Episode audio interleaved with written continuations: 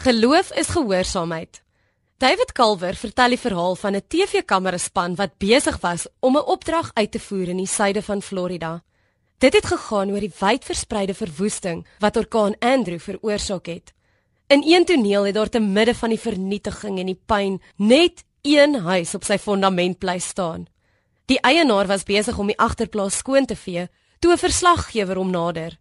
Hoe het jy dit reg gekry om die groot skade van hierdie aanslag van die orkaan vry te spring? Wou die verslaggewer weet. Ek het hierdie huis self gebou, antwoord die man. Ek het ook streng gebou volgens die staat van Florida se bouregulasies. Toe die regulasies gevra het vir spesifieke stutte, is dit wat ek gebruik het vir my dakkappe. Ek is gesê dat 'n huis wat volgens die regulasies gebou is, 'n orkaan sou kan weerstaan. Ek het dit gedoen en die huis het bly staan. Dit lyk vir my niemand anders hier rond het volgens die regulasies gebou nie. Hierdie man het geloof gehad in die staat se bouregulasies. En omdat hy geglo het dat hulle voorskrifte die beste is, het hy dit ook gehoorsaam. Omdat hy gehoorsaam was, het hy ook 'n bevestiging gekry van dit waarin hy geglo het. Geloof is nie net 'n manier om gehoorsaam te wees nie, maar 'n grondbeginsel van gehoorsaamheid.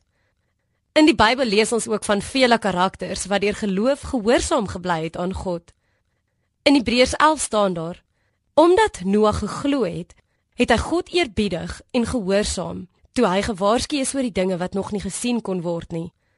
Sy geloof was 'n veroordeling van die wêreld, maar dit het hom 'n erfgenaam gemaak van die vryspraak wat deur geloof kom. Omdat Abraham geglo het, het hy gehoor gegee toe God hom geroep het om weg te trek na die plek toe wat hy as erfdeel sou ontvang. Omdat hy geglo het, het hy in die beloofde land gaan woon. Omdat Abraham geglo het, het hy, hoewel Sara onvrugbaar was en hy al te oud, krag ontvang om 'n kind te verwek. Omdat hy God wat dit beloof het, getrou geag het. As 'n mens nie glo nie, is dit onmoontlik om te doen wat God wil. Wie tot God nader, moet glo dat hy bestaan en dat hy die wat hom soek, beloon. Geloof vra van ons om gehoorsaam aan God te wees. Al kos dit ons iets. So Selling Guyen sê, geloof maak dinge moontlik, nie maklik nie. Dit het Noag baie vriende gekos wat hom gespot het. Dit het Abraham baie gekos om gewillig te wees om sy seun te offer. Dit het baie geduld gevra van Abraham om te wag en te sien hoe God sy belofte sal vervul. Maar hierdie opofferings was nie vir hulle 'n struikelblok in hulle geloof nie. Omdat hulle geglo het, was hulle gehoorsaam. En omdat hulle gehoorsaam was, het God getrou sy beloftes nagekom. Mag jy vandag omdat jy glo, gehoorsaam wees aan dit wat God van jou vra.